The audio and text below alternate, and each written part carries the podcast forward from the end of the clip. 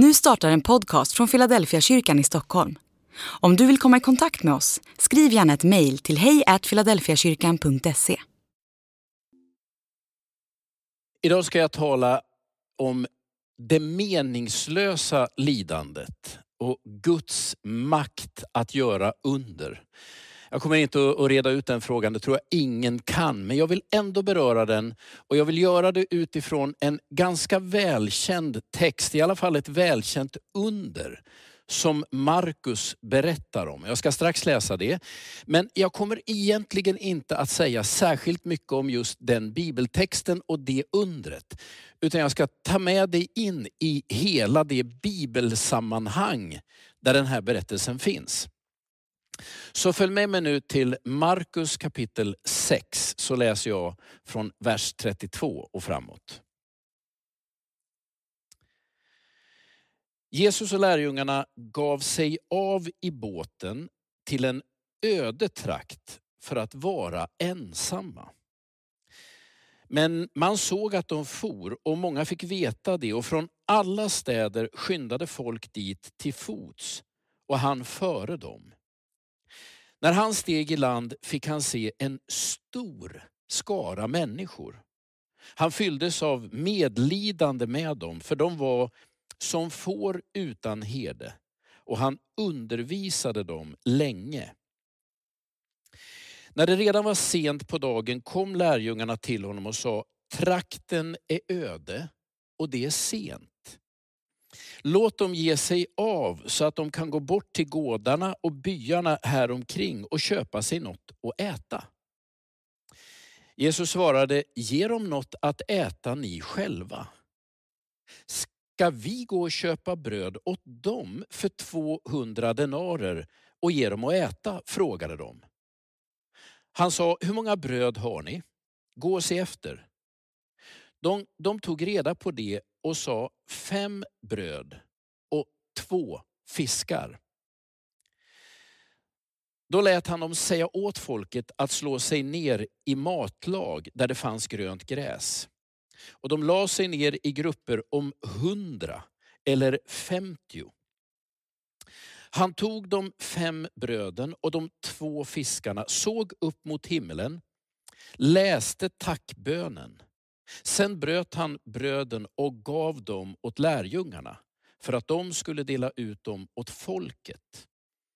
Också de två fiskarna fördelade han så att alla fick.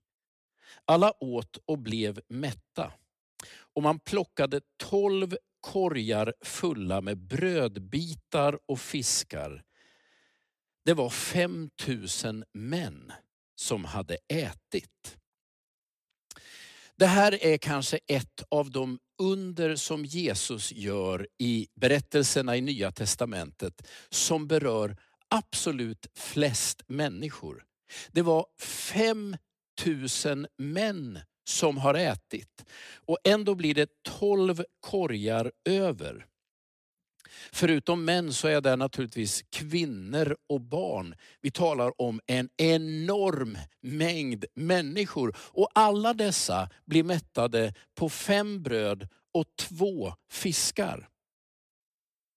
Jag ska tala om det meningslösa lidandet och Guds makt att göra under. Och jag vill, jag vill starta med att säga att vi tror att Gud gör under. Som här i berättelsen, ibland är lärjungar inblandade. Människor är på något sätt en del av den här händelsekedjan. När jag läser det här så funderar jag på när sker undret? För han tar brödet, läser tackbönen, bryter det. Men det verkar ju som att det är när lärjungarna delar det här vidare som bröden växer i händerna på dem. Det måste varit en otroligt märklig upplevelse. Alltså vi tror att Gud gör under som står över naturlagarna. Det där vi brukar använda för att förklara verkligheten så gott vi kan. Alltså Jesus kan göra saker som trotsar våra normala förklaringsmodeller. Han kan bryta in i historien. Och Det som jag personligen brukar tänka är de största undren i mitt liv, är ju inte det som har trotsat naturlagarna, utan att historien, tillfälligheter, olika omständigheter har fallit på plats. Rätt sak i rätt tid. Och jag ser att det var Guds hand som var med. Gud la detta till rätta. Det ser jag alltid i efterhand, aldrig i förväg. Men när jag tittar bakåt så kan jag se att Gud har lagt så mycket till rätta. Alltså vi tror att Jesus gör under än idag. Så ska jag samtidigt säga att jag tillhör inte de stora mirakelförkunnarna. Men jag har en personlig upplevelse alldeles i närtid som jag ska försöka dela. Och den är fortfarande ganska laddad men jag ska försöka berätta så gott jag kan. I, I höstas, förra hösten, så blev det så att jag var tvungen att byta höftled. I min högra höft har jag nu några metallbitar. Operationen gick bra, allting gick bra. Jag påbörjade med rehabilitering, hoppade på kryckor och gjorde små gymnastikövningar. Åtta veckor efter operation så hade jag en bokad tid med, med den ortoped där jag har gått. Och dagarna innan så hade såret värkt och jag hade en del feber i kroppen. Det var ingenting jag egentligen tänkte särskilt mycket på när jag åkte till, till doktorn den där fredagen innan första advent. När jag kommer in och han ska titta på såret så skiftar hans ansiktsuttryck totalt. Han frågar hur mycket feber jag har och jag berättar att jag har lite drygt 38 graders feber men jag har tagit Alvedon och Ipren för att trycka ner den där febern. Då skickar han mig för några provtagningar och säger att du kommer tillbaka hit sen efteråt. Och när jag kommer tillbaka till rummet med testen, jag har tagit någon sänka, då sitter en ortopedkirurg i rummet. Och så tittar de bägge på såret och man, man ser i deras ansikten att det här är inte bra. Och bägge tittar på mig och säger, du, du vi kommer att behöva öppna det här såret och spola alltihopa. Du har en pågående sårinfektion. Och jag som tänkte att jag skulle få lite rehabövningar och bara höra att allt är bra, fortsätt. Så jag frågar vad, vad innebär det? Ja, då säger de vi har bokat tid uppe på Sankt Görans akut. Du åker dit direkt. Jag frågar, kan jag åka hem först? Nej, säger de, du åker direkt till akuten. Och så lägger båda till, förmodligen för att de tycker att det är deras skyldighet att bara berätta om vad som möjligen skulle kunna inträffa. De lägger till att i värsta fall kommer vi behöva avlägsna protesen. Och du har en rätt lång rehabiliteringsresa framför dig. Så med det där i huvudet så åker jag till Sankt Göran, kommer dit, möter en ny ortopedkirurg som tittar på detta och säger direkt, jag bokar dig för operation direkt imorgon bitti. Och jag frågar, får jag åka hem? Jag behöver hämta kläder. Och hon säger till mig, du åker ingenstans. Jag har bokat plats för dig uppe på en vårdavdelning. Du ligger där, du opereras direkt imorgon bitti. Och så lägger hon till det de tidigare ortopederna har sagt att, jag vill bara säga att i värsta fall kommer vi att behöva avlägsna den här protesen. Du kommer att ha en tre månaders temporär lösning och, pe och penicillinbehandling och sen börjar vi om igen. Det var ganska omtumlande för mig när jag kom upp till vårdavdelningen och inser att jag som bara tänkte att jag skulle bli rehabiliterad och få veta att allt går bra. Nu tänker de öppna såret. Jag ska ligga med öppet sår i flera dagar. I värsta fall tar de bort protesen. Så där på kvällen inser jag att jag måste, jag måste mejla mina kollegor. Måste mejla ledningen. Jag behöver mejla alla som väntar att jag på något sätt ska ta ett ansvar. Jag kommer att bli borta, jag vet inte hur länge. Men det finns ingenting att förhandla om. Imorgon opereras jag. Jag tvättas på kvällen.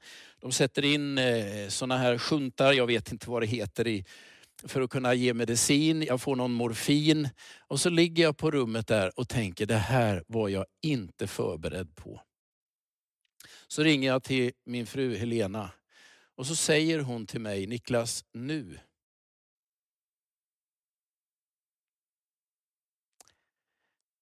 Nu skulle du behöva ett under.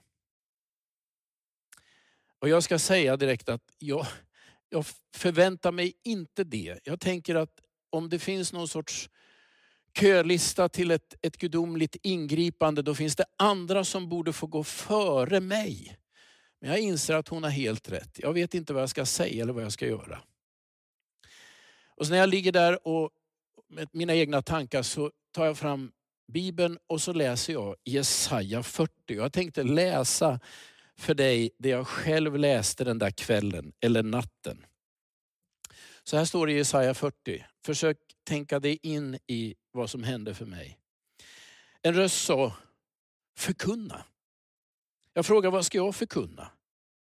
Människan är som gräset, förgänglig som blomman på ängen. Gräset torkar, blomman vissnar när Herrens vind går fram. Ja, folket är gräs. Gräset torkar, blomman vissnar. Men vår Guds ord består i evigt. Och så fortsatte jag att läsa. Folken är som droppar ur ett ämbar, som dammkorn i en vågskål. Fjärran länder väger lätt som stoff. Och lite längre ner. Han gör förstar till intet, utplånar jordens härskare. Knappt har de såtts, knappt planterats, knappt har de hunnit slå rot så andas han på dem och de vissnar. Stormen för bort dem som boss. Och så inser jag, så är livet. Vem är jag? Jag är som gräset, som en blomma. Jag är ett dammkorn i ämbaret. Jag planteras ena dagen och nästa dag blåses jag bort. Så ser ju livet ut. Men sen fortsätter Jesaja kapitel 40. Jakob. Hur kan du tala så? Israel, hur kan du säga? Jag vandrar osedd av Herren. Min Gud tar sig inte an min sak. Och när jag läste de orden så insåg jag att det slog bara rakt ner. För precis så hade jag tänkt. Och så säger Gud, men hur kan du säga så? Att Gud inte tar sig an din sak. Det som hände den där fredagnatten innan första advent när jag låg och väntade på operation var att Gud mötte mig. Jag vet inte hur jag ska förklara detta. Men jag fick ett sånt möte. Och när morgonen kom så visade det sig att febern har försvunnit. Och när läkaren som ska operera mig, en erfaren överläkare, kommer så säger han att dina infektionsvärden har märkligt nog vänt ner under natten. Och jag frågar honom om det finns någon möjlighet att avvakta med operationen. Måste du öppna det här? Och vi har ett långt samtal och han vill att jag ska förstå alla risker med multiresistenta bakterier och med eventuell blodförgiftning och andra komplikationer. Men sen är vi överens om att vi avvaktar. Jag ligger kvar, jag är beredd på operation dagen därpå och så fortsätter det. Några dagar väntar man, men infektionsvärdena fortsätter att sjunka. Febern kommer inte tillbaka. Några dagar senare skickas jag hem. Två veckor senare är jag upp för ett slutligt besök och då säger de, du är frisk. Du har ingen infektion. Det är borta. Och när jag frågar, vad, vad var det? Vad har jag haft? Så säger de, vi vet inte. För man tog inga prov, man kunde inte sticka. Då var risken att man skulle sprida infektionen. Jag fick ingen penicillin, för ska man ge penicillin måste man veta vad är det för bakterie. Utan läkarna säger vi väntar och ser. Och jag tror att Gud i sin nåd gjorde ett under med mig. Och jag säger det igen, jag hade ingen förväntan på det. När jag pratade med min Helena och hon säger nu behöver Gud göra ett under. Så tänker jag att jag förväntar inte det. Gud har varit så god emot mig.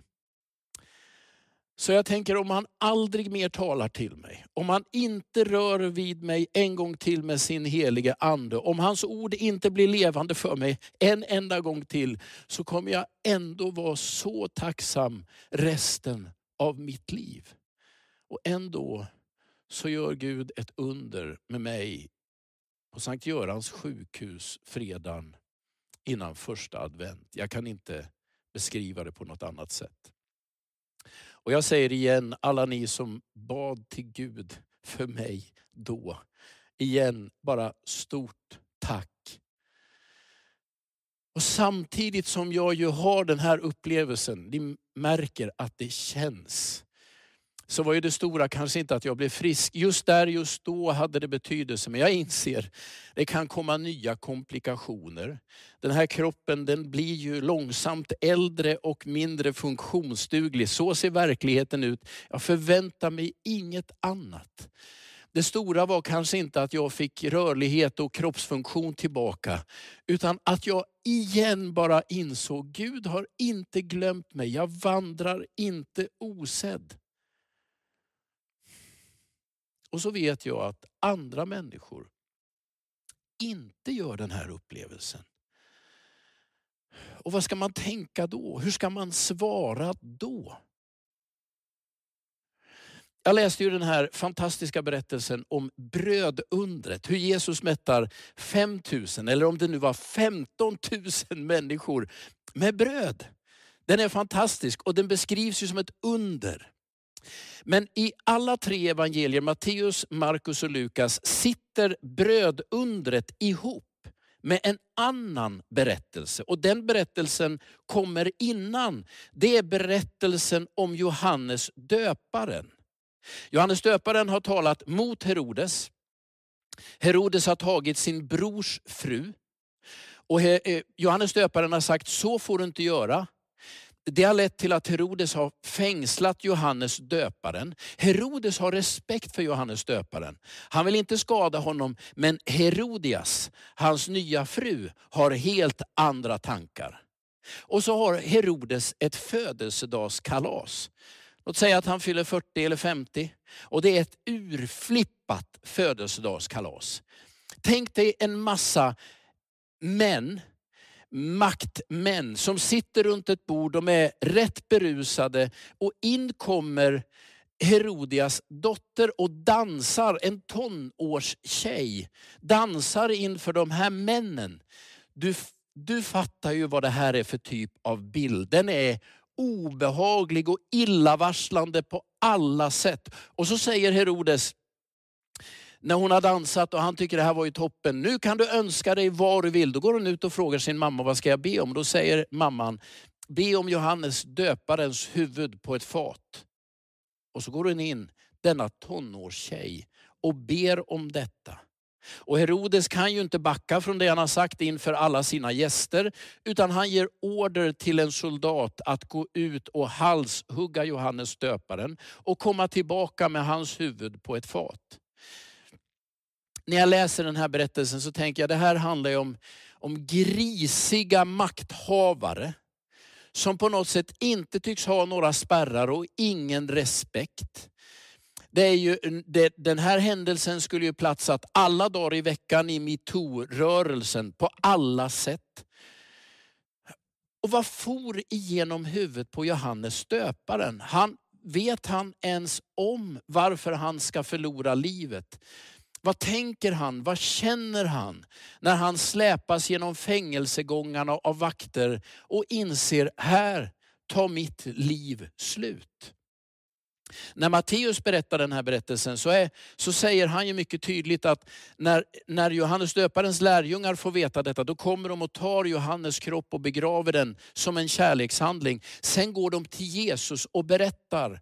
Och det är därför, just därför att Jesus har fått veta att hans kusin, en av hans närmaste, en barndomskamrat, har förlorat livet på detta fullständigt meningslösa sätt. Det är därför han säger, låt oss åka över på andra sidan för att vara lite själva. Och det är, det, det är då folket, som ju inte är lyhörda för stämningsläget bland lärjungarna eller hos Jesus själv, det är då de hänger på för de vill ha hjälp. Och det är då Jesus fylls av barmhärtighet och så inträffar detta brödunder. Men i alla tre evangelier är de här två berättelserna ihopkopplade. Johannes döparens nesliga, förnedrande död och omständigheterna runt det. Och så detta under. Hur ska man förstå detta meningslösa lidande relaterat till Jesu makt att göra under? Ja, men för att förstå det så skulle jag bara vilja eh, uppmärksamma dig på hur Nya Testamentet ganska ofta talar om Jesus i lite sammanfattande termer. Då brukar man säga att Jesus gör tecken och under. Den, det ordparet används i evangelierna. Han gjorde tecken och under eller under och tecken. I Apostlagärningarna kapitel 2 återkommer det här. Dels när Petrus predikar så säger han citerar Joel i gamla testamentet som talar om under i skyn och tecken på jorden. Och sen när Petrus börjar predika så säger han om Jesus att, att han har gjort tecken och under som ni själva vet. Och sen lite längre fram så står det att många under och tecken sker genom apostlarna. Det vill säga från gamla testamentets profeter via Jesus och sen in i den unga kyrkan talas det om tecken och under eller under och tecken. Det där sätter åtminstone mig på spåret. Alltså Jesus har makt att göra under, men varje under är också ett tecken. Och poängen med ett tecken är ju att det pekar bort från sig själv mot något annat. Alltså tänk dig ett vanligt trafikljus. När du kommer till trafikljus och så lyser det rött. Och så vet ju du att när det slår om till grönt, då har du fått ett tecken på att du kan fortsätta vidare. Bara försök föreställa dig tanken att att det där trafikljuset slår om till grönt och de som sitter i bilen framför dig, de blir så betagna av att de har sett ett tecken så de går ut ur bilen, ställer sig vid den här trafikstolpen och sjunger en sång. För de har fått ett tecken. Då skulle du säga, du har missuppfattat alltihopa. Poängen är ju inte själva tecknet, utan signalen att du ska vidare den vägen. Det vill säga när Jesus gör under är det alltid ett tecken som pekar vidare. Och om du vill veta åt vilket håll det pekar så är det väldigt tydligt. Det pekar alltid åt Jesus själv. Så du som fastnar i frågan om undret, har jag fått ett under? Kan jag få ett under? Det är som att stå vid lyktstolpen och sjunga när det är grönt. Det är att missuppfatta alltihopa. Varje under, varje tecken Jesus gör sätter människor i rörelse i en bestämd riktning, pekar mot honom själv och hans anspråk. Och Det är väl därför jag är lite, har varit inte minst klentrogen för min egen del. Jag har ju Jesus. Jag behöver egentligen inget under, jag behöver inget tecken. Han är hos mig. I liv, i död, i hälsa, i sjukdom, i medgång, i motgång. Detta vet jag. Jag är där. Men för att förstå Jesu makt att göra under, för den har han, så måste du tänka det är alltid ett tecken. Vi talar ju om vårtecken. Det är ju snart dags. Ni vet de första snödropparna som dyker upp eller blommorna i rabatten eller vad det nu är. Då brukar vi säga att detta är ett vårtecken. Det är inte själva våren naturligtvis, men det är ett tecken. Och sen nästa dag kan ju det vara fruset igen och snön lägger sig tjock. Det händer ju inte minst i april. Och ändå vet man, det första tecknet har kommit. Det är någonting annat på väg. Så de här två berättelserna, Johannes döparens förfärande död och Jesu under. Hur ska man tänka kring dem? Och då skulle du kunna tänka att Johannes döparen och hans död, det är det läge som råder här i världen. Det är den situation du och jag lever under. Det är en plågsam beskrivning av livets villkor. Det irrationella lidandet, det meningslösa lidandet korrupta politiker, övergrepp av unga människor som utnyttjas för sin sexualitet. Allt detta ligger inbakat i berättelsen om Johannes döparen. Det är den bottenfrusna vinter som råder. Det är där vi lever våra liv. Men i den verkligheten kommer då och då ett tecken som man kan titta på och njuta av, men som talar om en annan verklighet. Att det finns något annat att sträcka sig emot. Och det Jesu tecken alltid pekar mot, det är honom själv. Så vad är det jag vill säga? Ja, men ingen av oss kommer undan det irrationella, meningslösa lidandet. Och med meningslöst så menar jag det faktum att vi själva inte kan dra någon vettig slutsats av varför detta händer.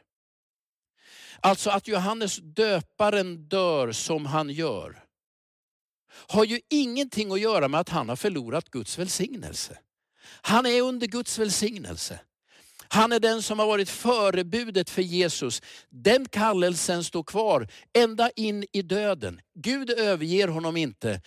Ändå drabbas han av det plågsamma, meningslösa lidandet. Den berättelsen är ju också vår berättelse. Det ser lite olika ut för oss alla. Vi har alla den där smärtan vi inte kan förklara, sorgen vi inte förstår, omständigheter som aldrig tycks komma på plats, som skaver i vårt liv. Och det jag vill säga till dig du som nu lyssnar, det finns en slutsats du inte ska dra. När du drabbas av det meningslösa lidandet, precis som Johannes döparen, ska du inte tänka att det är ett tecken på att du har förlorat Guds välsignelse. Jag säger det igen. När du drabbas av sjukdom, du får ett cancerbesked, någon i din närhet far illa, när du inte kan lösa problem, när du står inför utmaningar som du inte ser någon utväg ur. Du ska inte dra slutsatsen att du har förlorat Guds välsignelse. Du är under Guds välsignelse. Men de här två berättelserna, om Johannes döparens lidande och Jesu makt att göra under. Det är spänningen mellan de berättelserna vi lever. Den verklighet som är vår just nu är den som gestaltas av Herodes. Men mitt i den här iskalla vintern får vi ibland små tecken, under och tecken som säger att en ny tid kommer. Jesus är i antågande. Ondskan kommer inte ha sista ordet. Lidandet, sjukdomen och döden är inte det sista vi möter. Vi ska alla möta Jesus. Det viktiga är, med de tecken och under du ibland har sett, att du kommer till Jesus. För det är till honom de pekar. Det är om honom de talar. Men vi lever liksom mitt emellan de här två berättelserna. Och jag skulle bara vilja uppmuntra dig att orka fortsätta tro på att Jesus har makt att göra under. Och att varje under djupast sett är ett tecken. Jag kommer att fortsätta be för sjuka. Även om jag aldrig förstår ekvationen eller den trons logik. Varför, varför blev jag frisk när jag ju tycker att andra borde stått före mig i kön. Nu är inte jag ansvarig för den kölistan. Men ibland plågas jag lite av den frågan. Och samtidigt inser jag att alla under, alla tecken, de är av tillfällig karaktär. De signalerar någonting men de kommer att klinga av. Jag blev frisk då, men jag kommer bli sjuk igen. Alltså hälsa varar inte för evigt, men jag fick ett tecken om Guds godhet och Guds omsorg. Och det rörde mitt hjärta. Alltså vi lever alla under de villkor som Johannes döparen till sist dödas av. Men mitt i den här världen rör sig faktiskt Jesus. Och då och då gör han ett tecken. Han gör ett under. Och alltid driven av sin barmhärtighet och omsorg. Men låt mig säga, om du inte får det under du har bett om och hoppats på, så är inte det det viktiga. Jag vet att det låter nonchalant när jag säger det. För varje under är ett tecken och poängen är att peka dig vidare. Vad är det då som är det viktiga? Det är att du vet att du vilar i Jesu armar. Vad som än händer. I hälsa, i sjukdom, i medgång, i motgång när allt är som det ska eller när hela livet omkring dig tycks rasa samman. Bara du vet att jag vilar i Jesu händer. Lever jag så lever jag för Herren. Dör jag så dör jag för Herren. Vare sig jag lever eller dör så tillhör jag alltså Herren. Jag tillhör inte Herodes och hans anhang. Jag tillhör inte de mörka krafter som, som håller på att plundra den här världen och mänskligheten. Nej, jag tillhör Jesus i liv och i död. Så vi lever alla i spänningsfältet mellan det meningslösa lidandet, ingen kommer undan, och tron på Guds makt att göra under. Gud välsigna dig.